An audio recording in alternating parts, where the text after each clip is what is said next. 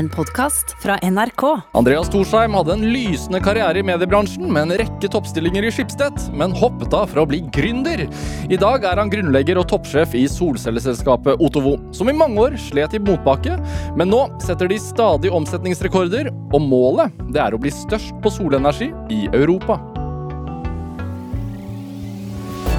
Dette er Drivkraft med Vegard Larsen i NRK P2. Andreas Thorsheim, velkommen til Drivkraft. Tusen takk. Hvordan har du det? Jeg har det kjempebra. En litt eh, halsbrekkende farlig sparkesykkeltur hit til NRK-studio, men eh, nå er jeg her i god behold. Som seg hør og bør, eh, solcellepanelsjefen kommer jo ikke i bensinbil, kommer på eh, strømdrevet sparkesykkel. Ja, da, Du må elektrifisere alt fra tohjulingene oppover. Ja, Ja. Men er det Det var litt tilfeldig, var det ikke? Det var litt tilfeldig. Men eh, jeg har ikke bensinbil, da. Nei. Det er, det litt sånn nå, fordi nå De fleste av oss nå klager på strømprisene. Det kan man jo forstå. Det er jo Men, men, men, fem ganger så dyrt som i fjor. men fryder du deg litt? Er det litt sånn Du er den eneste i landet som ler hele veien til bank? Nei, altså det, det et eh, Vi øh, har jo, eh, skal vi si Forkynt solenergibudskapet i årevis, eh, både av liksom klimahensyn og fordi vi genuint har tenkt at solenergi kom til å vinne på pris mot tradisjonelle strømkilder. Eh, og så eh, Og det er jo på en måte en det er jo på en måte selvsagt, fordi solcellepanelet blir litt billigere hvert år. Og holder på med det lenge nok, så blir prisen på solenergi veldig lav.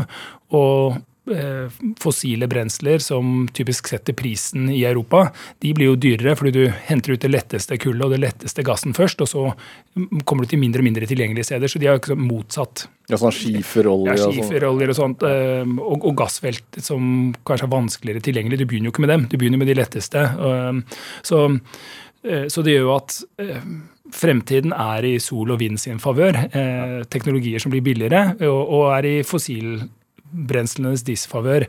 Eh, Så, så vi har jo måte sagt at det her kommer til å skje mm. på et tidspunkt, og så er det jo på verst tenkelig måte at det blir energikrise. At det skal være krig i Europa og sånn. Så, så den eh, Det var litt den, satt, på spissen fra min side. der, Hva var det jeg sa? har jo en ganske sterk bismak når det er så, så negativt verdensbilde som det er eh, nå. Men jeg syns det er bare en, eh, en ekstra rakett bak da, for at vi alle må eh, jobbe på da, for at vi skal få elektrifisert eh, alle tingene vi, vi eh, bruker energi på, og at vi får en så eh, grønn elektrisk produksjon som mulig.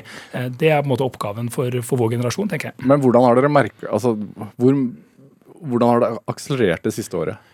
Vi, vi holder jo på å selge solceller nå i, i 13 europeiske land, og det har vært en sånn akselerasjon til ja, si det har vært omtrent en tredobling av etterspørselen etter solceller fra september i 2021.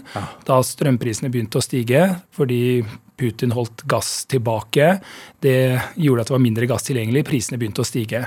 Og da var det de nordiske landene som responderte først, fordi her har vi spotpris. De fleste har Kostnaden i stikkontakten er lik det samme som den er på Nordpool for de aller eh, fleste. Så nordmenn og svensker fikk sjokkregningene først.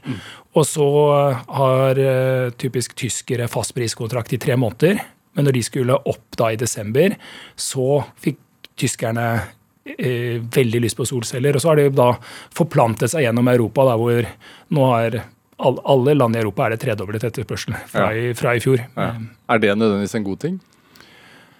Eh, Det er jo dumt at alt kommer på en gang. Eh, fordi sant, vi har holdt på med dette solenergiselskapet vårt i seks år. Og eh, i starten så klarte vi jo bare å verve folk som var ingeniører eh, eller miljøaktivister. Ja. det var jo på- Hvordan gjorde dere det?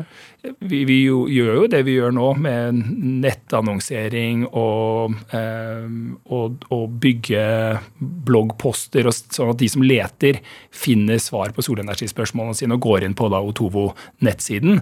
Eh, så det gjorde vi på samme måten, bare at det var ikke så mange du nådde, for det var ikke så mange som lyttet på det øret. Eh, så da var jo Vi så jo mailadressene til de som som kjøpte, var jo alfakrøll Bellona, alfakrøll Statoil, eh, alfakrøll eh, Statoil, Statkraft. altså, ja. Ja. det er masse folk som er kunnskapsrike om energi i Statoil. Det er ikke det, er ikke det, det, mangler, eh, det er ikke det det mangler der. Så det var, vi så at det var ingeniører og, og eh, fornybarinteresserte mennesker. Ja. Og så nå er det jo nå er det alt mulig. Nå er det at eh, kommunen, type. Det, det er den vanlige kunden nå. Ja, ja. Hvilke skepsis var det folk satt inne med i starten? da?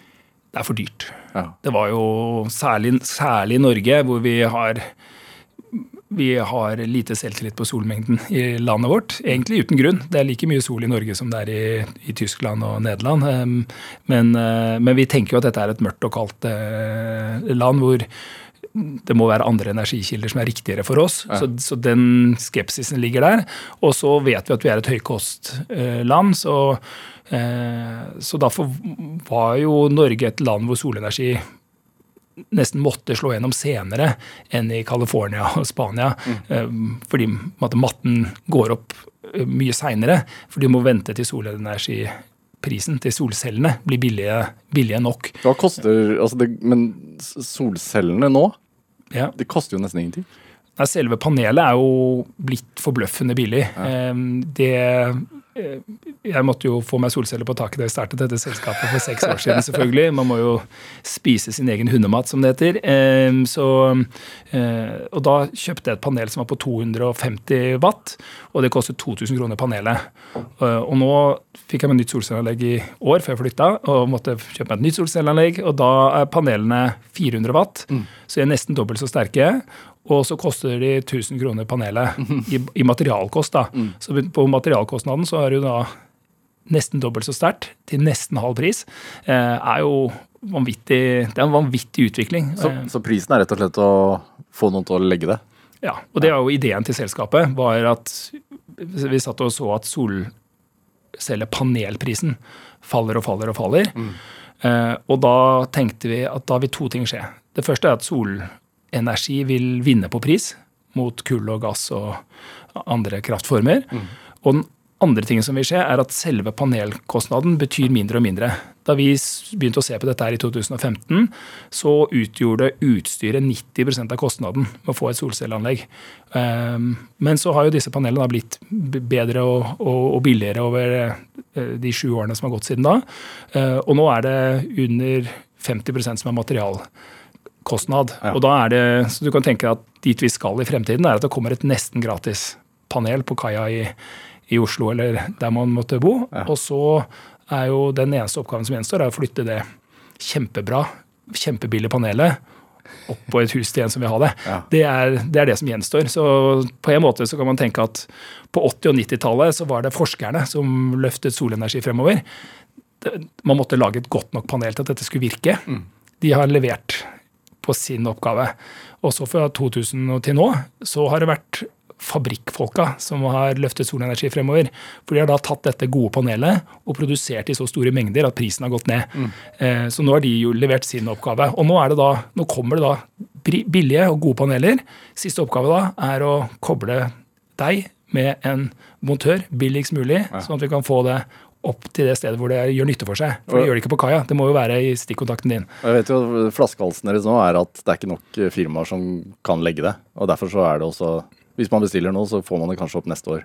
Ja da, det blir, eh, Nå er vi i oktober, og man må nok vente til sommeren neste år. Ja. De fleste steder. Eh, Men det varierer litt fra, fra land til land. Jeg ser jo eh, em, I Polen for eksempel, så tar det bare to til tre uker fra man bestiller til det er oppe på taket. For der er det Andre regler. andre det er ingen regler. Og så er det eh, en, Har nok solhåndverksbransjen rekruttert litt mer over tid, da. Så det har sugd til seg eh, taktekkere og snekkere og andre typer elektromontører da, som har sett at her, det her eh, gullåra ligger nå. Vi må, vi må kaste oss på den eh, greia her. Hva, hvor mange altså, Hva sa naboene dine da du la det første gang? De syntes jo dette var kjempegøy, så i den, eh, i den gata der så er det vel seks eller sju hus da, som har solceller nå. Ja. Eh, Hva er morsomst med det? Eh, Det er jo å få strømregningen, da. når du ser at den er blitt eh, null eh, i sommermånedene. Ja. Eh, For da, ekspor da blir du eksportør. da blir du, Først så dekker du alt forbruket ditt, og har du mer igjen, så går jo det ut i, gjennom måleren. Og den går jo praksis baklengs, da. Så, så da blir det mm, til gode på konto. Så solcelleeiere vil da begynne å tjene penger på solcellene sine i, i mars måned, når, når sola kommer høyt nok på himmelen og snøen har gått. Og så er det for de som har måte, mellomstore anlegg, så vil du ikke betale strømregning mellom april og, og oktober. Og så vil novemberregningen sikkert eh, spise opp eh, det du har til gode hos eh, strømselskapet, og så er du tilbake på vanlig, vanlig strømregning i november til februar. Da. Men eh, så solcelleeierne godter seg jo ganske greit om sommeren. Det er jo motivasjonen, da. Du sitter, Da sitter du bare og følger med på, på appen hva kilowattprisen er ut. Ja, jeg har, eh, den, den appen har veldig høy bruk. Alle som får solceller, får også en, en app hvor de kan følge med på hvor mye de produserer. Og det blir jo en sånn eh, Folk som har solceller, behandler jo anleggene sine litt sånn som når man har kjøkkenhage. Du er jo, har utrolig mye kjærlighet for de gulrøttene du drar opp av kjøkkenhagen. Det er jo eh, det er kanskje ikke så mye penger du sparer på å lage gulrøttene sjøl, men det er veldig gøy. Og for solenergientusiastene så er det sånn Yes, i dag tjente 60 spenn. Kanonbra. Det, det, det er gøy. sant? Du må se at, eh, at den bitte lille fabrikken på taket ditt gjør jobben sin. Det, det syns jo folk er gøy, da. Hva er, de, hva er mytene om solcellepanel? Altså som er Som taler mot det? Ehm, Det en, en eh, seiglivet myte er at det er miljøgifter i panelene. Eh, Og det var tilfellet da man forsket på ulike panelteknologier. panelteknologier. Så kan du jo omdanne sollys til elektrisitet på forskjellige måter. Eh, Og da var det noen av de panelteknologiene som fantes rundt år 2000, som inneholdt kadmium f.eks., som er et giftig stoff. Um, og, og da var jo det en, en del av argumentasjonen mot solenergi var at ja, men dette er nå, nå bygger vi produksjonslinjer som har et giftstoff i seg.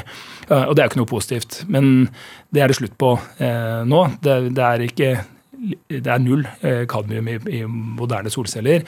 Og, eh, og sånn er det med de liksom mange av eh, de sjeldne råstoffene som har vært i paneler, er blitt bare utkonkurrert av at det blir for dyrt å hente, hente det. Skal du lage et panel kanonbillig, så må du bruke helt vanlige, vanlig tilgjengelige materialer. Så et, et solcellepanel består jo nesten utelukkende av glass, aluminium og silisium, som er vanlig tilgjengelige ting. Men myten lever videre om at dette her kan være giftig, og det smitter nok litt over fra eh, elbil- og batteriproblematikk, hvor, hvor det er jo eh, innhold i, eh, i batteriene som ikke er, eh, som li er litiumbatterier og sånn. Men, men er det er det ikke brannfarlig? Nei. Det er, altså, det er alt, som, alt som er elektrisk i huset ditt, er, har jo en viss brannfare. Enten det er vannkokeren eller mobilladeren eller, eh, eller elbilladeren. Em, forekomsten av branner på hus med solcelleanlegg er jo lavere enn eh, snittet for resten av husene. Um, og det er jo fordi solcellene i seg selv ikke representerer noe fare. Og fordi når man får solceller, så er det elektriker på stedet, og det blir ofte gjennomgått andre ting. Så det er jo det at du har fagfolk eh, innom huset ditt og får sjekket det elektriske anlegget, det, det er jo bare bra. Mm. Altså, du, du fortalte jo at du har allerede byttet eh, tak én gang. Ja. eh, på da seks år, eller noe sånt. Jeg flyttet til et større hus før jeg fikk flere barn, så det, var ikke noe med, okay, okay, så- hadde ikke noe med, okay, med solcellene og sånt å gjøre. Ja. Ja, men men hvordan, er, hvordan går utviklingen på teknologien på selve panelene? Altså, Har man nådd peak nå, eller vil Ja, altså det, det, hvis, eh, det har vært en ganske stabil utforming av disse panelene. De er, har vært 1 ganger 1,7 meter, og alle de konkurrerende panelprodusentmerkene lager omtrent det samme panelet. Eh, Så det er litt sånn som containerfrakt, hvor alle bruker samme containeren, og derigjennom oppnår kostnadsfordeler. Fordi du kan være kjempeeffektiv hvis alle gjør akkurat det samme. Da passer utstyret til alle typer paneler osv. Og, s- og det var jo drevet av at eh, de som drev store anbud, eh, store nasjonalstater som skulle ha mye, mange paneler ut i, i, eh, i kraftnettet sitt, de ville ha like paneler når de skulle gjøre anbudet. For da kunne de sammenligne tydelig det har rakna litt, så nå er det mer utforskning på større paneler. Eh, for et litt større panel kan jo lage litt mer kraft. Ja. Og, og, da blir det færre ganger du må sette en skrue inn. Så, så det, det, er der man utforsker nå da, for å hente frem enda mer effektivitet. Så panelet er i ferd med å bli litt større, og har, er, nå er det litt i limbo på teknologisiden. Så vi får se hvor dette lander. Det er bra at det er utvikling på det. men jevnt over så har jo panelene blitt bra, og det er mest på pris det er utvikling, ikke, på, ikke så mye på, på, selve teknologien. På batterier derimot, ja. der er det rivende utvikling. Der flytter teknologien seg mye fra år til år. Altså batteri, Det er, så, altså, det er ganske lenge siden nå at eh, Elon Musk, eh, altså Tesla-sjefen, eh, lanserte at alle skulle ha sånne hjemmebatterier. Ja. Hvor har de blitt av? De har blitt av eh, i at eh, Tesla leverer alle batteriene sine i California, og Australia og Texas. Eh, og får ikke lagd nok til alle de andre folka som trenger batteri. Så derfor kommer det da koreanske, og kinesiske og tyske produsenter og leverer batterier til alle som ikke bor i stedene Tesla leverer. Ja. er vel kortversjonen på det. Og batterier har slått noe sinnssykt gjennom i det året som har gått nå. Vi jeg drev ikke med batterier i Otovo frem til eh, sommeren i fjor. Men da skulle vi lansere i Italia. Og så sa Italia-sjefen jeg får ikke solgt solceller her nede hvis jeg ikke har batterier. Så det må vi ha. Nei, Hvorfor det? Så, fordi vil, italienerne vil ha batterier, eh, sånn at de kan bruke den sterke solstrømmen de har, eller solenergien de har på, på dagtid, ja. utover kvelden. Sant? Så da bruker du soltimene fra midt på dagen, lagrer opp batteriet, og når du skal koke pastaen eh, på, i nitida, så er det fortsatt solenergi du bruker. Så mm. da, bruk, da, får du mye mer ut av, av solcelleanleggene sine. Um, så italienerne vil ha mm, batterier, så vi tenkte ja vel, Fabio, da får du prøve ut batterisalg. Det, du blir første hos oss som gjør det. Ja. Og det ble en kjempesuksess. Vi har solgt batterier for over 100 millioner kroner det første året vi holdt på med det. Mm. Uten å egentlig ha forberedt det, nesten. Eh, så da fikk vi bakoversveis og tenkte det her, dette er den nye greia vår. Vi elsker batterier nå. Dette, dette, vil alle ha. Så jeg tror vi kommer til å selge 5000 batterier neste år i Tyskland og Italia. Så det der har blitt en sånn kjempegjennombruddsteknologi. Torsheim, du sitter her jo nå og prater varmt om dette her, selvfølgelig. Du, det er jo butikk for deg også. Ja da. Eh, men du er litt frelst på området òg?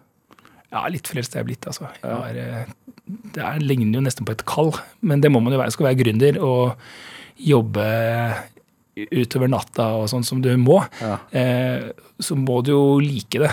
Det er som idrettsstjerner og sånt. De kan ikke, hvis du ikke liker å hvis du ikke liker å stå på ski, så orker du ikke å stå klokka fem og kjøre bare høyreporter, eller hva det er man må gjøre for å være god på, på, på utfor. Og, og, hva er det du liker med det så godt? da?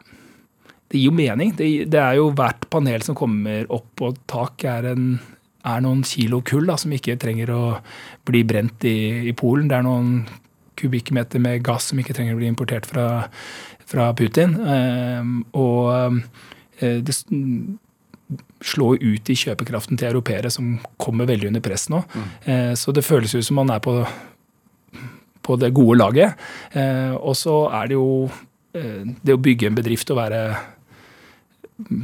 den eneste og den første inn på dag én, og så se at man har hundrevis av ansatte, og det er en ting skjer av seg selv uten at jeg har igangsatt det seks år etterpå. Det er jo kjempe, kjempebelønning. Ja. Så det, det blir man også gira av.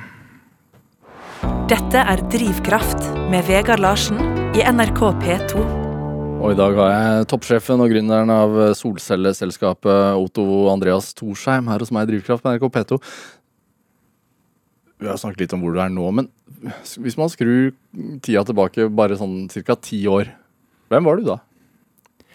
Hvem var jeg da? da um, for ti år siden så var jeg, da var jeg administrerende direktør i uh, Bergens Tidende. Og uh, var en uh, ambisiøs medieleder som jeg fikk energien min av å holde på med kule medieprodukter i Skipsted-konsernet og jobbe med flinke folk der. I en periode hvor de tradisjonelle medier hadde mye motvind, så da måtte vi måtte vi jo ta grep om å få flyttet eh, mer av inntektene våre over på internett og, og apper og, og sånn online-abonnementer. Ja. Og, eh, Og så måtte vi spare penger. Vi hadde ikke råd til å drive på den måten vi hadde gjort det før. Ja. Så det var en annen tid. Hvis jeg, hvis jeg ser på CV-en din, så har du jo en Altså, du har øh, vært eh, assisterende redaktør E24, prosjektdirektør Media Norge, ehm, som ble Skipsted Norge. Vært eh, eh,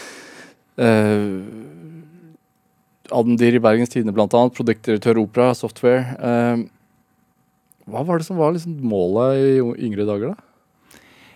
Jeg vet ikke om jeg hadde som veldig mål. Jeg, jeg, synes, eh, jeg har nok lett for å engasjere meg i det jeg gjør. Så jeg, eh, jeg studerte økonomi, og så tenkte jeg at jeg skulle begynne med, med å gå, inn i Finansdepartementet eller eh, eh, Norges Bank eller noe. Jeg var kjempe inn i makrofagene. Jeg syntes det var kjempegøy med økonomitemaer. og i matten i hvordan man setter rente og disse tingene syntes jeg var sykt spennende. Og var nesten helt sikker på at det var det jeg skulle gjøre. Jeg skulle bare ha noen sommerjobber i, i avis underveis for å tjene penger om sommeren. Mm.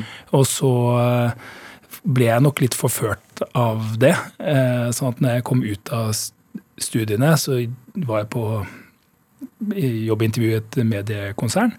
Og merket at de folka som der var veldig sprudlende og gøyale folk. Så tenkte jeg dette, er jo, dette virker mer morsomt. Jeg må nesten la fag være fag, og så jeg, kan jeg heller jobbe med hobbyen min. Eh, Så da kastet jeg meg inn i, i- inn i det Skipsstedet-konsernet og, og eh, ble en, eh, en av deres mange ansatte. Og da får man jo masse oppgaver, da. Eh, Og det er jo litt sånn lett å glede, så jeg syns det meste vi gjorde der var eh, spennende å holde på med. Så jeg, jeg tror egentlig ikke jeg så løfte blikket noe særlig. Jeg bare tok fatt på hver mandag og gjorde det jeg fikk beskjed om, og, og holdt på med det. Og, og hvis man gjør det tålelig bra over tid, så pleier man jo man blir jo likt i et konsern. En som leverer og gjør jobben hver dag. Eh, Så, um, eh, så jeg, jeg tror ikke jeg, jeg tror jeg liksom ikke tenkte supermye. Jeg hadde jeg ble engasjert av de oppgavene som var der. Og så mm, etter hvert så så jeg at jeg kunne også få mulighet til å være eh, sjef i noen av de bedriftene jeg jobbet. Så tenkte jeg ja, det er jo det er supergøy. Det må jeg jo prøve på. Så, mm, så jeg vet ikke, det var det kanskje mindre reflektert, altså. Jeg må bare si det. Ja. Jeg, bare gjorde, jeg bare gjorde det som var litt foran meg. Og, og var jo som karriereambisiøs på hva jeg skulle gjøre på neste steg, men det var ikke noe, det var ikke noe mål tror ikke, det, var, det var ikke sånn veldig sånn Det var ikke noen dypere mening med det jeg gjorde. jeg. Nei. Men du har vært med på en del sånn digitale omlegginger, da. Ja da. Det var eh, Det her var jo eh, en periode, eh, særlig etter finanskrisen i 2008, hvor mediebransjen tapte jo veldig mye av annonseinntektene sine til Facebook og Google. Eh, og det Og Finn. Det, ja, og Finn. Eh, men det var jo vårt lag. Ja.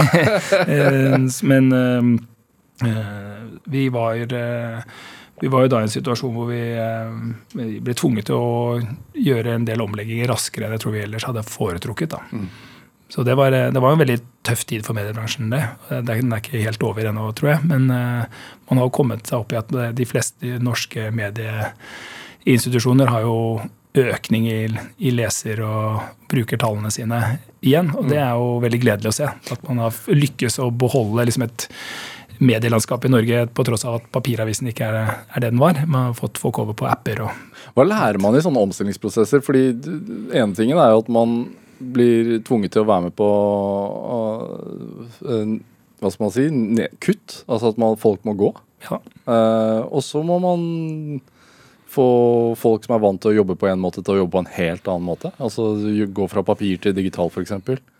Hva, hva, Jeg tror det er liksom eh, to ting å si om det. Det ene er at eh, når du må ha eh, store kostnadskutt eller legge ned avdelinger eller du var jo ung da du holdt på med dette her også. Ja, ja det, jeg, var vel jeg begynte jo med, med den type jobber i, slutten av 20-årene.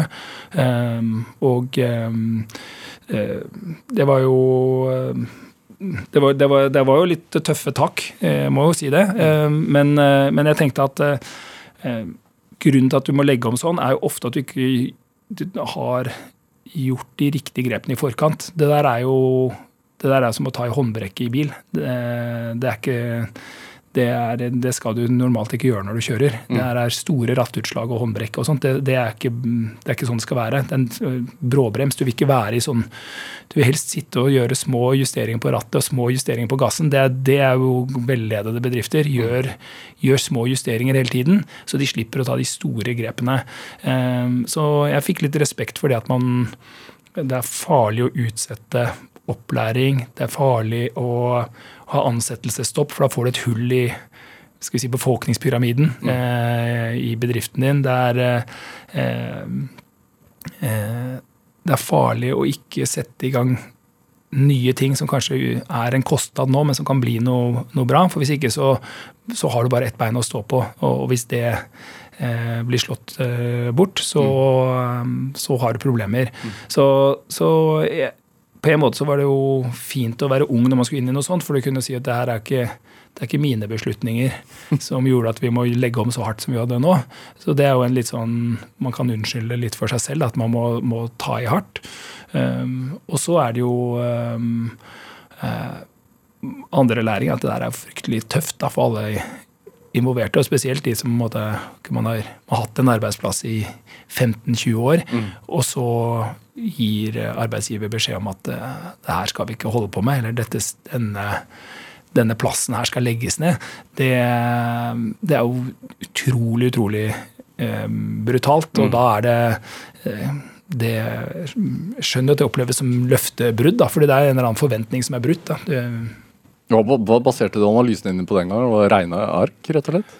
Det var jo ikke å komme unna at du, du, regnet på at det her gikk ikke i hop. Når vi mistet hundrevis av millioner i inntekter fra bilannonser og ja. eh, eiendomsannonser og de tingene som var i avisen på, på 90- og 2000-tallet, og som ikke, er, ikke fins nå. Eh, det, det var det som betalte lønningene til journalister og trykkere og ja. avisbud og alt sammen. Så når de pengene forsvant, så var det jo ikke Da hadde man jo ikke inntekter. Da måtte man jo bare leve av eh, betaling fra kundene sine. Mm. Um, og det kunne jo ikke tredoble prisen på abonnementene over natta. Da var det et svært hull i mm. regnskapet. Mm. Um, og um, da må du regne ut hvor stort det hullet var. Så ja, det, var, det, det måtte jo sette seg ned og være litt i det kyniske hjørnet og si jo greit, her har vi det her går ikke i hop hvis det ikke blir 100 ansatte mindre. En sånne, sånne type regnestykker blir man tvunget til å gjøre. og det, det er ikke særlig artig, men er, hvis man ikke gjør det, så er jo kroken på døra neste. Ja. Så um, som, ja, det er en, eh, det er en krevende øvelse. Hva, bedre nå å jobbe med en bransje som er i, i medvind, hvor det er litt lettere hver dag. Det er jo fryktelig mye gøyere enn hvor det er litt vanskeligere hver dag enn det var dagen før. Ja. Hva er du mest stolt av at du fikk til da, i mediebransjen? Jeg syns det var kjempegøy å være med å starte E24. Ja. Eh, det er jo et nettsted som, som lever eh, i beste velgående nå, og jeg tror har både innflytelse på på økonomi og politikk i Norge, og er en arbeidsplass for masse flinke folk. Så det var kjempeartig å få være med på det. Jeg er også stolt av at vi fikk flytta så mange av kundene våre over til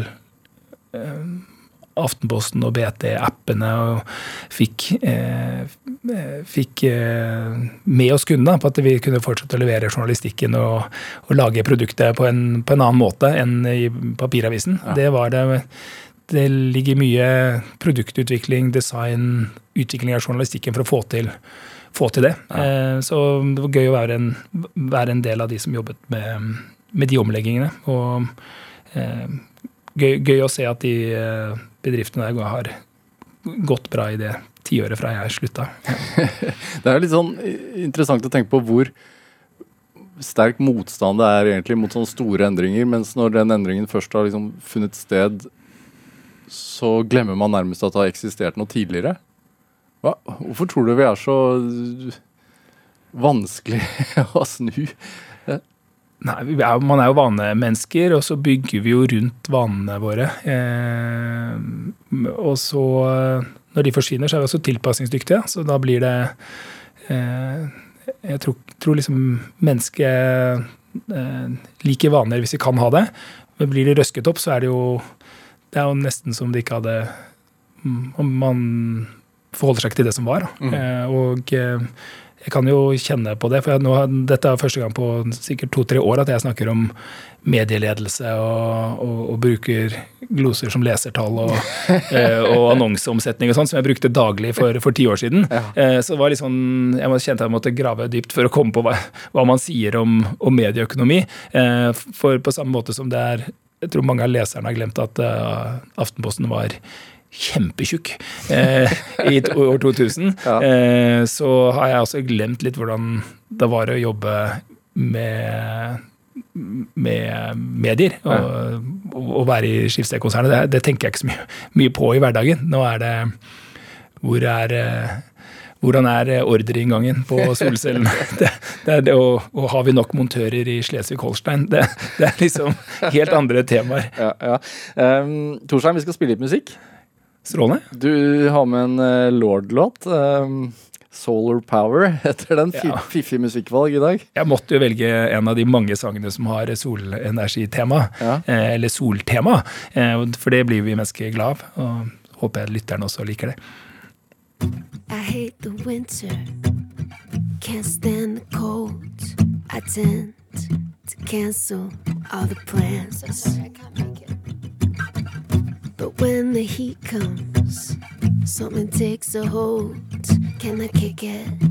Yeah, I can.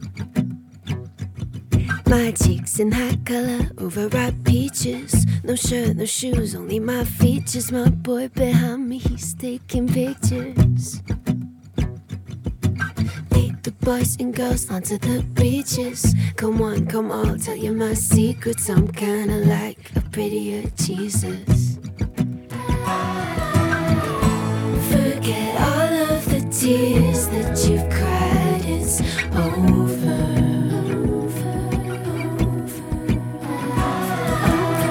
It's a new state of mind. Are you coming, my baby? Acid green, aquamarine. The girls are dancing in the sand. And I throw my cellular device in the water. Can you reach me? No, you can't. my cheeks in hot color, overripe peaches. No shirt, no shoes, only my features. My boy behind me, he's taking pictures. He's taking pictures. Lead the boys and girls onto the beaches. Come on, come on, tell you my secrets. I'm kinda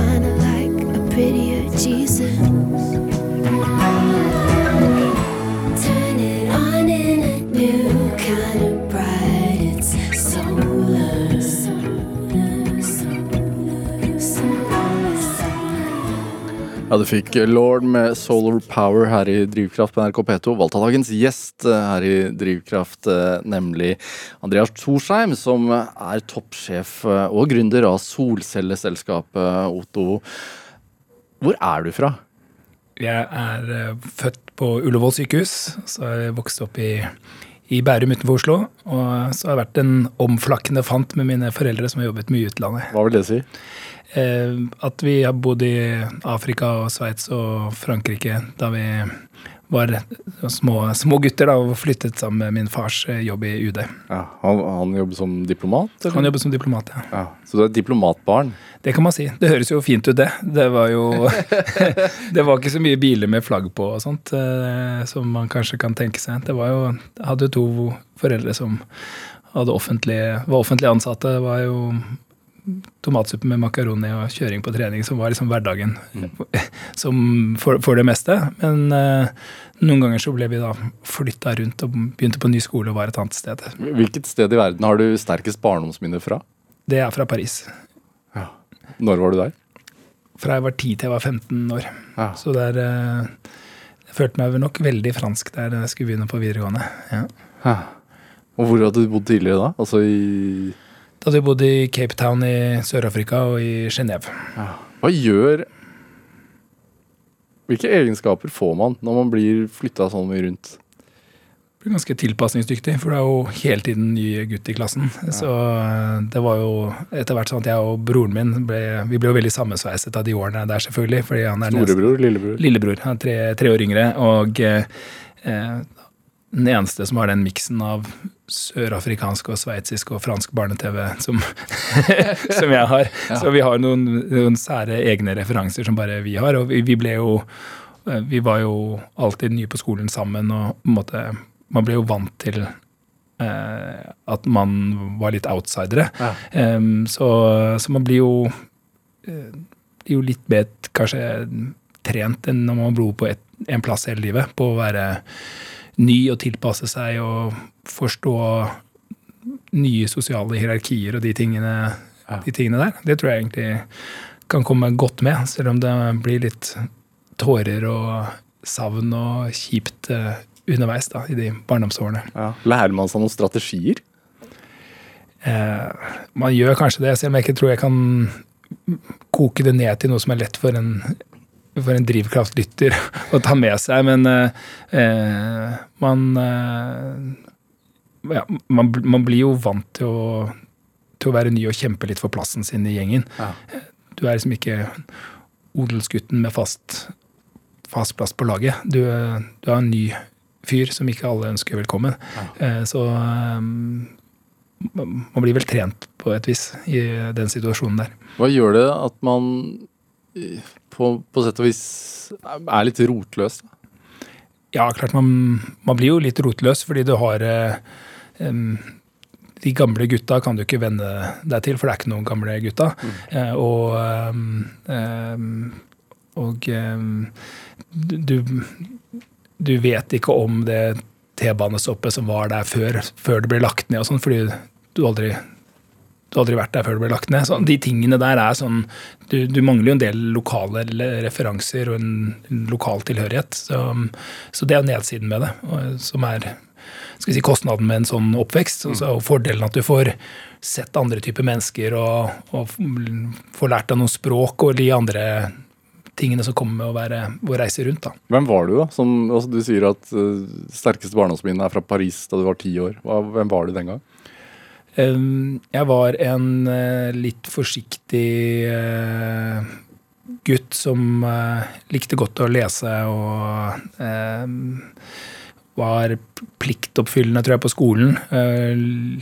Eh, Litt redd for å ikke henge med. Og det franske skolesystemet er jo ikke så veldig tilgivende. Det, det er beinhardt på, eh, på eh, prestasjoner og, og veldig resultatorientert. Mm.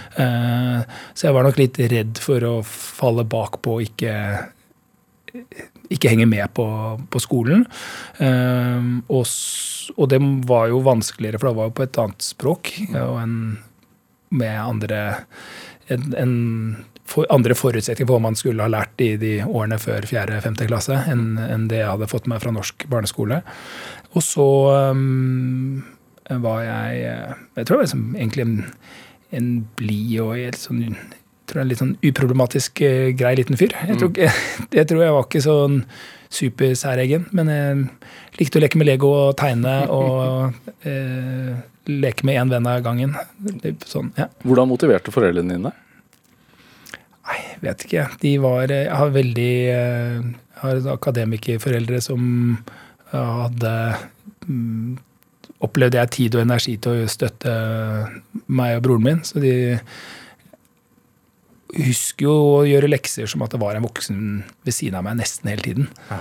Det, pappa satt på kne ved siden av pulten, eller eh, mamma satt i sengen og, og var tilgjengelig hvis jeg skulle ha hjelp. Det var jeg opp, sånn, sånn jeg husker det, så fikk jeg mye hjelp, da. Og ble, mm, ble kjørt på treninger og fulgt opp kanskje mer enn mange som er sånn født på slutten av 70-tallet, og starten av 80-tallet, hvor det var mer sånn ungene får fikse seg sjøl. Eh, så tror jeg jeg har en, kanskje en oppvekst som ligner litt mer på, på sånn Dagens. barn, dagens barn, da, med litt mer curlingforeldre. Det hadde nok bra backing, altså. Ja. Ja. Ble du tidlig ambisiøs? Ja, jeg var liksom Jo, jeg gjorde nok det. Jeg ble liksom oppmuntret til at eh, jeg ble god på skolen, og da var det liksom en del av imaget mitt. At jeg var, det var forventet at jeg skulle ha gode karakterer, og jeg ble Jeg ble sikkert litt bevisst på at jeg skulle veksle det inn i, en, i et bra studiested, og at eh, et bra studiested måtte veksles inn i en bra arbeidsplass og en, en form for mm, ærgjerrighet på, på det hadde jeg nok. Mm. Eh, og litt sånn eh, veslevoksen eh, flinkis i, i type var jeg nok. Jeg må Mm. innrømme det. Du ble, du ble jo tidlig eh, fremhevet som et ledertalent. Du fikk jo toppjobber i ung alder. Eh, så sånn sett så oppnådde du jo de ambisjonene du satte deg da du var yngre, da, ganske tidlig. Uh, ja, jeg gjorde vel liksom hvis det er en det hadde vært et karrieredataspill, så hadde jeg sikkert nærmet meg å runde det spillet ganske tidlig. Ja. Men det er jo ikke nødvendigvis noe poeng i seg eh, selv. Det er jo det kjedelige med karrierestigen er at det, det er jo eh, Det er alltid flere trinn. Du blir aldri kvitt en sjef. Du, er du Jobber du på kundesenteret, så er det en kundesentersjef. Og når du blir kundesentersjef, så er det en forbrukermarkedssjef. Og er du forbrukermarkedssjef, så er det en konserndirektør. Og blir du konserndirektør, så er det en konsernsjef. Og er du konsernsjef, så er det en jammen noen aksjonærer og en største eier der som du må møte opp i. Det blir jo Du kan jo bare ha så mye karriere du vil, men du blir aldri, du blir aldri sjefen. Det er eh, skuffelsen. Så det kan man bare egentlig glemme. Men nå er du sjefen. Nei, jeg er jo ikke det. Jeg har jo eiere. De eh, føler ikke at det, de er uten innflytelse på eh, på meg og på bedriften vår. Og vi er jo også et børsnotert selskap. og eh, da føler man at man noen ganger danser litt etter børsens pipe. Så, Ja. så i betydningen å være en eh, en fri sjel, så føler jeg ikke at det er Det føler jeg ikke at det er. En- Jeg hadde krisa Kanskje en liten, liten, liten periode der i starten, da vi nettopp hadde liksom tømt sparepengene, solgt bilene våre og hytta og Ja. brukt det for å starte selskapet. Så, da de pengene var på konto, og før vi hadde fått inn andre eiere enn oss gründerne, da var det en liten periode med frihet. Før, eh, før alvoret satt inn, så var det tilbake i, eh, i hamsterhjulet igjen. Ja, fordi du tok jo dette valget altså Du hadde ha, har jo en medgründer også, men du tok jo det valget at du, du, du solgte bilen, du solgte hytta, fordi at du hadde så tro på solceller. Ja, det er jo hva, hvilket øyeblikk var det du ble frelst Um... og tenkte at ok, media og, og Opera Software, ferdig, jeg vil gjøre noe annet. Hva var det som skjedde? Eh, Det som skjedde, var at det var et, Jeg tror en så stor beslutning kommer jo ikke eh, helt Den kommer jo ikke fra en dag til en annen. Du må, det må ha gjæret litt før, du, eh, eh, før det slår inn. Da. Eh, så jeg tror for meg var det en, en serie med hendelser som kanskje jeg kan knytte tilbake til at vi var en en, eh, en gjeng som var i, i California på jobbtur. Og så besøkte vi Tesla-fabrikken eh, utenfor San Francisco. Og eh, det var Når var dette det var i 2013 eller 2014. Ja. Eh, og så antagelig 2014. Og det er jo da et kjempebygg, to ganger to kilometer langt. Eh, det er stappfullt av sånne To Ganger to kilometer. det er så svært. Ja. Og det er store Det er sånne bilproduksjonsroboter, glinsende rødt, eh, kroma greier. Og de lager jo lag- De sto der og lagde modell S-Teslaene, som kom ut på, på, på løpende bånd. Og det var en kul bil, lagd med kule roboter. Og du bare, jeg bare Wow! Dette er som å være en katedral. Sånn en, være en Jeg ble litt sånn eh, Jeg følte at det var hakket før det kom sånne englesang. sant? Hvor du bare Wow! Dette her er så utrolig kult. Eh, Men jeg trodde ikke at det hadde noe med meg å gjøre. Jeg var en medieleder, og eh, Hvorfor var du der? Eh, vi var der fordi vi var på en, vi var på en ledersamling i, i California. Så det var eh, Vi besøkte mange andre bedrifter og Dummeste gikk litt på kurs og skole og sånt. dummeste de har gjort. Altså. Det var dumt av dem. Ja, det var alltid farlig å sende folk på kurs. Men eh, Sjefen har vært på kurs, liksom. Det er farlig. Men nei, så det, da ble jeg litt sånn inspirert på temaet, og så da ble det jo til at jeg leste mer om disse batteriene og elbiler, og fikk øynene opp for klimaproblemet, som ikke jeg hadde hatt noe særlig respekt eller forståelse for frem til da. Um, og Hvorfor ble ikke? jo jeg følte ikke helt at det angikk meg. Tenkte at dette her var jo så stort problem at det var ikke noe jeg skulle kunne gjøre med det. Det var noe som politikere og kanskje forskere måtte løse. Ja. Um, og det var helt sånn uoverstigelig problem. Og så visste jeg ikke hvor alvorlig det var. Men når du leser sånne ting som at selv om vi bare kjøper elbiler i hele verden, bare elmopeder, bare elgressklippere, og alle nye kraftverk vi bygger bare er sol- og vindkraftverk, så kan vi fortsette å få 1,8 grader global oppvarming. Og hvis vi får 1,8 grader global oppvarming, så blir det mye hyppigere sånne flommer som det har vært i Pakistan i år. Branner som det har vært i Spania og Frankrike i år. Eh, Det blir jo i, mye større grad ulevelig på planeten. Når du leser det og og tar det inn over deg, så er jo det det er jo sjokkerende. Man må jo bare tenke at oi, helsike, dette er jo en Dette er så alvorlig og stort og akutt.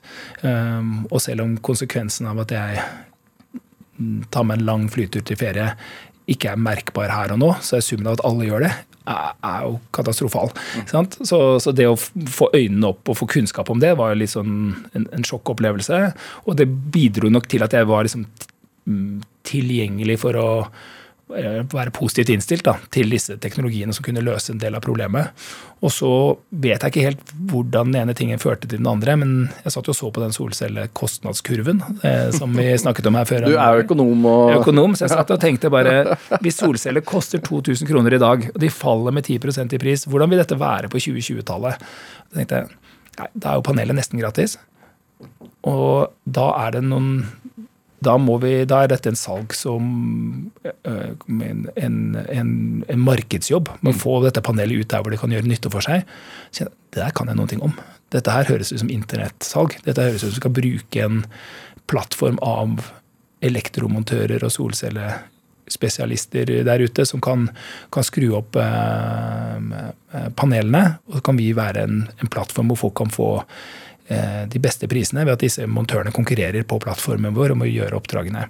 Eh, og så tenkte jeg det er svaret. Hvem er det som gjør det? De kunne jeg kanskje vurdere å jobbe for. Og så var det ingen som gjorde det. Og da ble det helt uimotståelig. Da kjente jeg tente det i magen. For det var sånn Det føltes som at jeg hadde oppdaget noe som var riktig og nødvendig. Og så var det ingen som gjorde det. Og det det ble helt uimotståelig. Altså. Jeg, ble, altså, jeg følte Det var nærmest jeg kom med kall, et kall. Ja. For da var det da følte jeg, som jeg så rundt meg, så var det, er det virkelig ingen som skal gjøre dette her? Skjønner dere ikke at det, det er sånn vi skal få solenergi videre? Forskerne har gjort sin jobb, fabrikkfolk har gjort sin jobb. Nå er, det, nå er dette her en koblingsjobb mellom huseiere og montører. Ja. Det er en oppgave for nettportaler som Finn. Det skal vi, det her, den her skal jeg bygge. Skal, vi skjønner, jeg har og ser det for meg hvordan jeg skal gjøre det. Og da var det helt, det var helt um, forferdelig hver dag den Otovo ikke fantes. da. Du kunne jo solgt inn til Skipstedt, da. Nei, jeg kan ikke du kan ikke det, altså. Du må, det, det der er så Det er jo så fjernt og vanskelig i starten at det er jo ikke Man skjønner jo hvorfor man må komme med de første pengene selv. Hva sa kona di? Hun sa først nei. Du, vi har stort, vi har stort boliglån. Dette her kan vi ikke gjøre. Du, vi trenger begge oss to i, eh, i vanlige jobber. Eh, og så kom jeg tilbake noen måneder etterpå og sa du, jeg tror faktisk jeg må gjøre det. Jeg, bare, ja, jeg har skjønt det. Du snakker ikke om noe annet enn en solenergi hver gang det er folk på besøk. Hver gang alle steder der det er bare solenergi. Så, så jeg tror det ble liksom en sånn romantisk komedie etter hvert, hvor alle rundt meg skjønte at jeg var forelska i solceller. Jeg hadde bare ikke helt, helt skjønt det selv. Da. Men da ble det, da ble det da ble det romantikk for meg og solcellene. Hva har du lært om eh, gründervirksomhet på disse årene? Jeg føler jeg, jeg, jeg har lært kjempemye. Det er, det, og det er nesten umulig å forklare for de som ikke eh, er der eh, og ikke har prøvd det. Eh, og jeg har blitt venn med mange av de andre gründerne på, som finnes i Oslo, fordi vi, har, vi deler noen erfaringer og opplevelser som ikke er så mange andre som har. Eh, og um, Hvilke erfaringer er det? det er- kan være ting om hvor eh, Det kan være hvor ensomt det er, hvor eh, kjipt det er å bli avvist av investorer. Hvordan det oppleves når du gjør feil. eh, Hva som ja, det er ofte De erfaringene man har lyst til å dele, er de kjipere, og de man ikke eh, som kanskje ikke kan snakke helt åpent eh, om. Eh, så, men, men det er, jo en, det er jo utrolig givende og nesten ja, jeg tenker Det er umulig å forstå for de som ikke har prøvd det. Det er som å forklare hvordan det er å være en forelder. Det er ikke, du, Man kan jo lese litt om det, og sånne type ting, men, men hvordan det føles å være forelder med et barn med feber med klokka to på natta, det, er, det må du nesten oppleve før du uh, det, Du må oppleve det for å vite hva, hva, det er å være forelder. Og sånn er det tror jeg, liksom å være gründer òg. Du er forelder for et lite selskap. Og det krever eh, det krever mye mer av deg enn en, en vanlig jobb. Enten, ja, enten det er en lederjobb eller ikke. En annen ting bare folk som har barn vet, er jo den, alt det fine man får òg. Ja. Som man heldigvis egentlig ikke vet at man går glipp av før man får barn. Ja. Er, er, det det samme med Det er det samme. Ja. Det er det samme. Den følelsen av eh, var med, vi var tre, Det var tre andre enn meg som var med å starte selskapet. Og eh, den følelsen vi hadde når vi har, eh, når vi har sommerfester og så ser du at i år trenger vi en enda større båt. I, og, og, det er den følelsen av bare se på det her, se på den gjengen her. De, dette er kollegaene våre, og vi har håndrekruttert hver eneste en. Eller i hvert fall rekruttert den som har rekruttert til nestemann. Ja. Eh, og tenker bare Nå er det søren meg 350 stykker som jobber her. Og at alle disse her er våre folk. Dette er vår gjeng. Den mm. følelsen av å se flokken vokse er jo så vanvittig givende at det, da er det ikke så farlig om det var noen sene netter med Excel-arkene der i 2016 og 2017 hvor det føltes litt vanskelig. Altså Du er jo utdanna økonom, og du gikk jo inn i, altså karrieren din i starten var jo øh, med regneark. Ja. Når man da skal håndplukke folk, er det ut ifra regneark da også? Absolutt ikke. Det, øh, og jeg, jeg, trodde ikke jeg var så Jeg trodde ikke jeg var noe god til å rekruttere. Jeg, øh, jeg så ikke på meg som verken en selger eller en rekrutterer. Og jeg husker ganske tidlig i Skipsted-perioden min, så sa Birger Magnus, som var sjef da, og som nå er styreleder i NRK, han sa at Andreas, ledelse, det handler bare om mennesker. Og så tenkte jeg bare nei, din store, softe mann, det er jo strategi og finans, det er det som er ledelse. Ja. Og så har jo årene gått, da, så har jeg skjønt at fader, det er jo selvfølgelig det er bare mennesker. Det er, det er bare folk det handler om hvem du får med deg på laget, hvordan du motiverer dem, hvordan de påvirker deg, og hvordan du gir dem frihet til å utvikle seg og selskapet. Eh, hvordan man setter opp mandatene sånn at folk får klart ansvarsområde som de kan påvirke og gjøre bra, uten å gå i veien for nestemann. Alle de tingene som handler om å få folk med deg og få dem til å dra i samme retning. Det er det, det, er det, det står på. Ja. Det var jeg ikke sikker på at jeg var særlig god til. Jeg var kjempenervøs da jeg skulle rekruttere de medgründerne mine. Det var ja, det var intimt på nivå med liksom kjæresteforhold. Altså, for det var sånn Du ber jo folk om ganske mye mm. når de er eh, de var jo direktører og sjefer i sine bedrifter. Og så jeg bare jeg trenger et A-lag av folk som skal være med meg på å bygge et solenergiselskap. Har du lyst til det? og alle hadde sett hvordan det hadde gått med REC? Ja, var, ja han ene var REC-veteran. eh, så han hadde tapt mange millioner eh, fra toppen på det. Så det var jo, det var jo mye å be om, da. Å si kan ikke dere gå fra jobbene deres og eh, jobbe dagen og natten lang sammen med meg.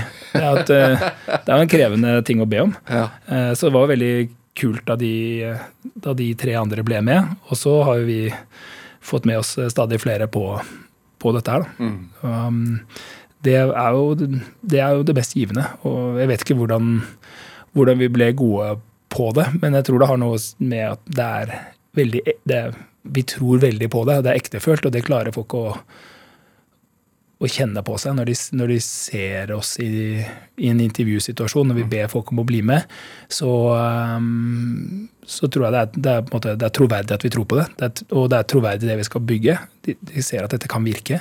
Hvordan, eh, som økonom, hvilken prosent ga du deg selv for at det kom til å lykkes?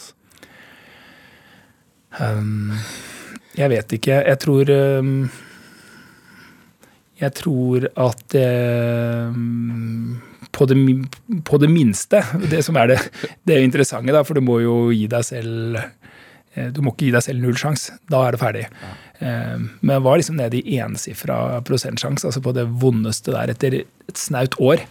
Når kassa var tom, og det kom lite inntekter inn og mye kostnader ut. og var vanskelig å få finansiering fra folk på utsiden. Og um, så vi hadde tatt på oss forpliktelser som gjorde at vi var veldig nærme konkursen. Da var det da var jeg rullet opp i en ball hjemme og var, så angstfull. Det var, føltes jo ikke bra i det hele tatt. Så den, første høsten vår, da vi var ni måneder gamle eller rundt det, da, det var bunnpunktet. Da tenkte jeg at det her kommer fader ikke til å gå. Så flaut det blir å mislykkes med dette her.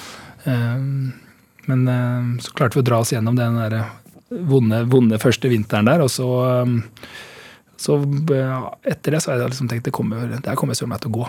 Hvor mange år bør man gi seg, da? Eller bør man eh, tenke? Jeg tror ikke det er så mye å si hvor, øh, hvor lang tid man gir seg. Det handler om å gå Du må fort få svar på om det virker eller ikke. Og jeg tror øh, folk som er gründere for andre gang, de øh, Eh, gi mer gass fra start. Ja. Andreas Storsheim, hva er drivkraften? Det er å få solceller opp på alle takene i Europa. Eh, det trengs. Ja. Og eh, jeg er veldig gira på å gjøre min jobb for det. Hvorfor stoppe med Europa? Det er mer enn nok folk her. Altså, det, er, det, er, det, er, dette vi er gode til. Jeg tror vi kjenner, kjenner europeiske forbrukere og den type ja, måten folk bor på her. Så jeg tror vi er, vi er, et bra produkt for Europa. Og så tror jeg kanskje det blir litt for eksotisk å begi seg ut på eh, Bangladesh eller Marokko eller Canada, for en saks skyld.